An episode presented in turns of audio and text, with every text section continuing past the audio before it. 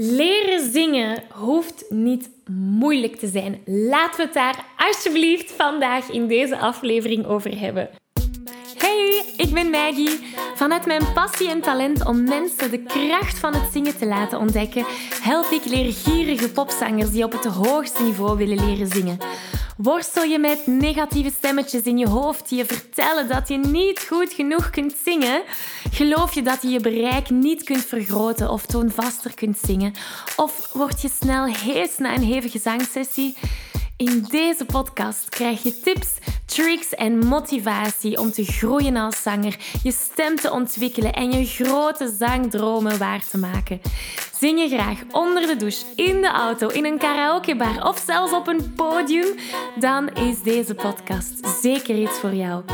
Klaar om het beste uit jezelf te blijven bovenhalen? Let's go! Hallo, hallo en welkom bij deze nieuwe aflevering. Wil je graag de videoversie van deze aflevering meepikken? Ga dan naar YouTube en tik Zangles met Maggie in. En daar vind je al deze afleveringen in videoformaat. Uh, mocht er iets niet duidelijk zijn en heb je beeld nodig, dan kan je daar terecht. Oké, we vliegen erin. Hoi hoi, welkom bij deze nieuwe aflevering. Um, vandaag wil ik het hebben over de moeilijkheidsgraad om te leren zingen. Want veel zangers geloven dat leren zingen een hele moeilijke klus is. En um, vooral als je dan geen aangeboren talent hebt. Want heel veel zangers of heel veel mensen denken dat je een aangeboren talent moet hebben om goed te kunnen zingen. Nu, ik snap van waar dat denkpatroon of van waar die gedachte zeg maar komt. Hè, want het zingen wordt heel vaak uh, gezien als, als iets, dat is een vaardigheid, dat is iets dat je kan of dat je niet kan. Je hebt talent of je hebt het niet. En als je het niet kan, dan moet je zo gezegd heel hard werken om het te gaan leren. En dat is wat ons wordt verteld van kinds af aan. Of dat is toch wat mij werd verteld van kinds af aan. En ik moet zeggen, ik was niet iemand die uh, met een geboren zangtalent is uh, geboren. Helemaal niet. Ik kon, ik kon eigenlijk he helemaal niet goed zingen vroeger. Ik deed wel heel graag, maar ik kon het niet goed. En dan heb ik verschillende opleidingen gevolgd. En nu kan ik het al heuse beter. dus de vraag is dan, we weten dat iedereen kan leren zingen. Daar gaat de aflevering van vandaag niet over. Waar het vandaag eerder over gaat is... Is het wel zo dat het moeilijk is om te leren zingen? want je hoort heel veel verhalen van mensen die zeggen van...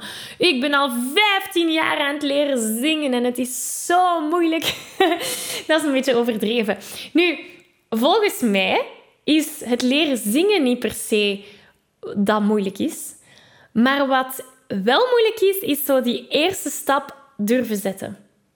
De eerste stap durven zetten om te zeggen van oké, ik ga leren zingen. En vooral hulp gaan vragen en daar vooral mee naar buiten komen, naar jouw omgeving toe. Dus uh, ik ga je een verhaal vertellen van iemand waar ik mee heb samengewerkt. En de eerste stap voor haar was niet, of de eerste moeilijkheid voor haar was niet per se om in te zien dat ze nog niet juist zong. Hè, want ze, had nog nooit gezongen. Ze, ze deed het graag, maar ze kon het helemaal niet goed. Dat was niet moeilijk voor haar om dat in te zien. Wat wel moeilijk was voor haar, was om die stap te nemen van... Oké, ik weet dat ik er niet zo goed in ben, maar ik wil het toch proberen. Dus die stap nemen om hulp te gaan vragen. Die stap nemen om dat te durven eraan te beginnen. En dat is voor heel veel beginnende zangers heel eng. Hè? Het, durven van, het durven zeggen van oké, ik ga leren zingen. Um, want veel zangers die willen leren zingen, maar dat dus niet durven delen met hun omgeving, ja, die gaan dan op hun eentje blijven oefenen in hun kamer of onder de douche. En, en op die manier groei je niet echt, hè, omdat je in binnen die comfortzone blijft um, zingen. En zonder duidelijke begeleiding weet je ook niet goed hoe je beter kan worden als zanger. Dus het is niet op zich het zingen dat moeilijk is, maar het is die eerste stap durven zetten. En om hulp vragen of, of een opleiding volgen of de juiste oefeningen gaan doen.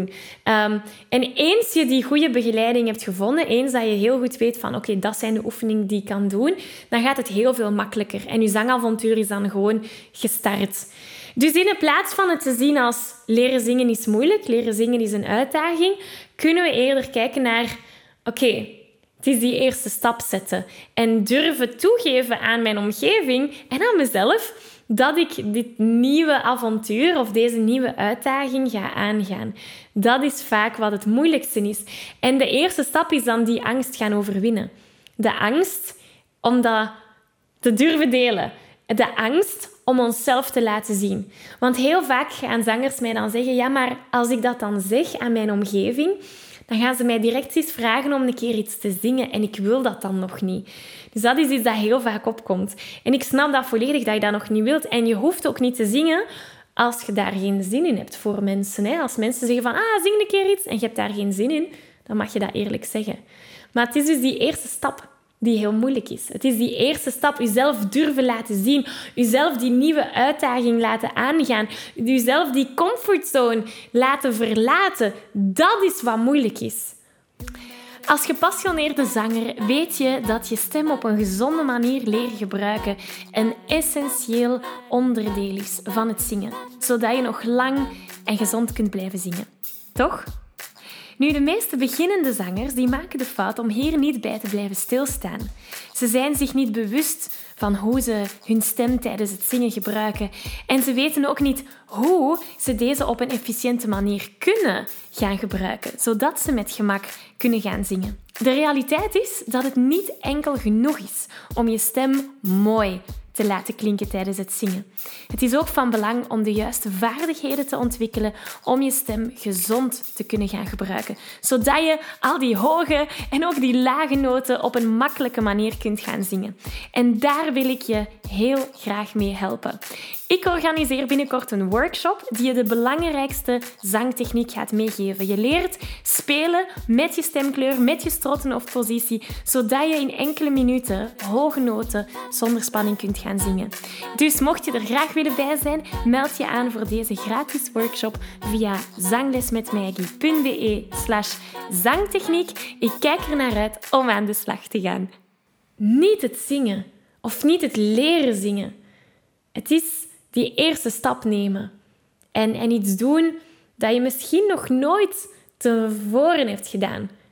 Maar dat is ook waar dat de mooie zaken gaan gebeuren. Dat is ook waar dat we ons van de comfortzone kunnen gaan groeien naar de groeizone. Dat is uiteindelijk wat we willen.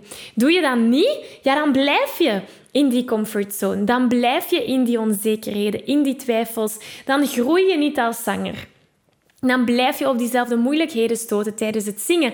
En dan blijf je verlangen om een bepaalde passie uit te oefenen dat je op dit moment misschien nog niet voor de volle 100% kunt. Maar als je daar ja, geen verbetering in durft te brengen, dan, dan blijf je eigenlijk heel de tijd die passie uitstellen. Ik had zo iemand die um, een paar jaar geleden met mij heeft samengewerkt en ze zei: Ik ben nu 60 jaar. En dat is al 60 jaar dat ik wil leren zingen zei die persoon tegen mij. En dan dacht ik, wauw, die persoon heeft 60 jaar gewacht. En ze zei van, ja, ik heb die passie altijd al gehad, maar ik durf niet. Mijn, mijn omgeving lacht mij uit als ik uh, Happy Birthday zing, want het klinkt absoluut niet goed. En nu dat ik 60 ben en ik voel dat, ja, dat ik al een heel mooi leven achter mij heb, wil ik, wil ik dit toch nog bijzetten. En dat vond ik heel krachtig van haar.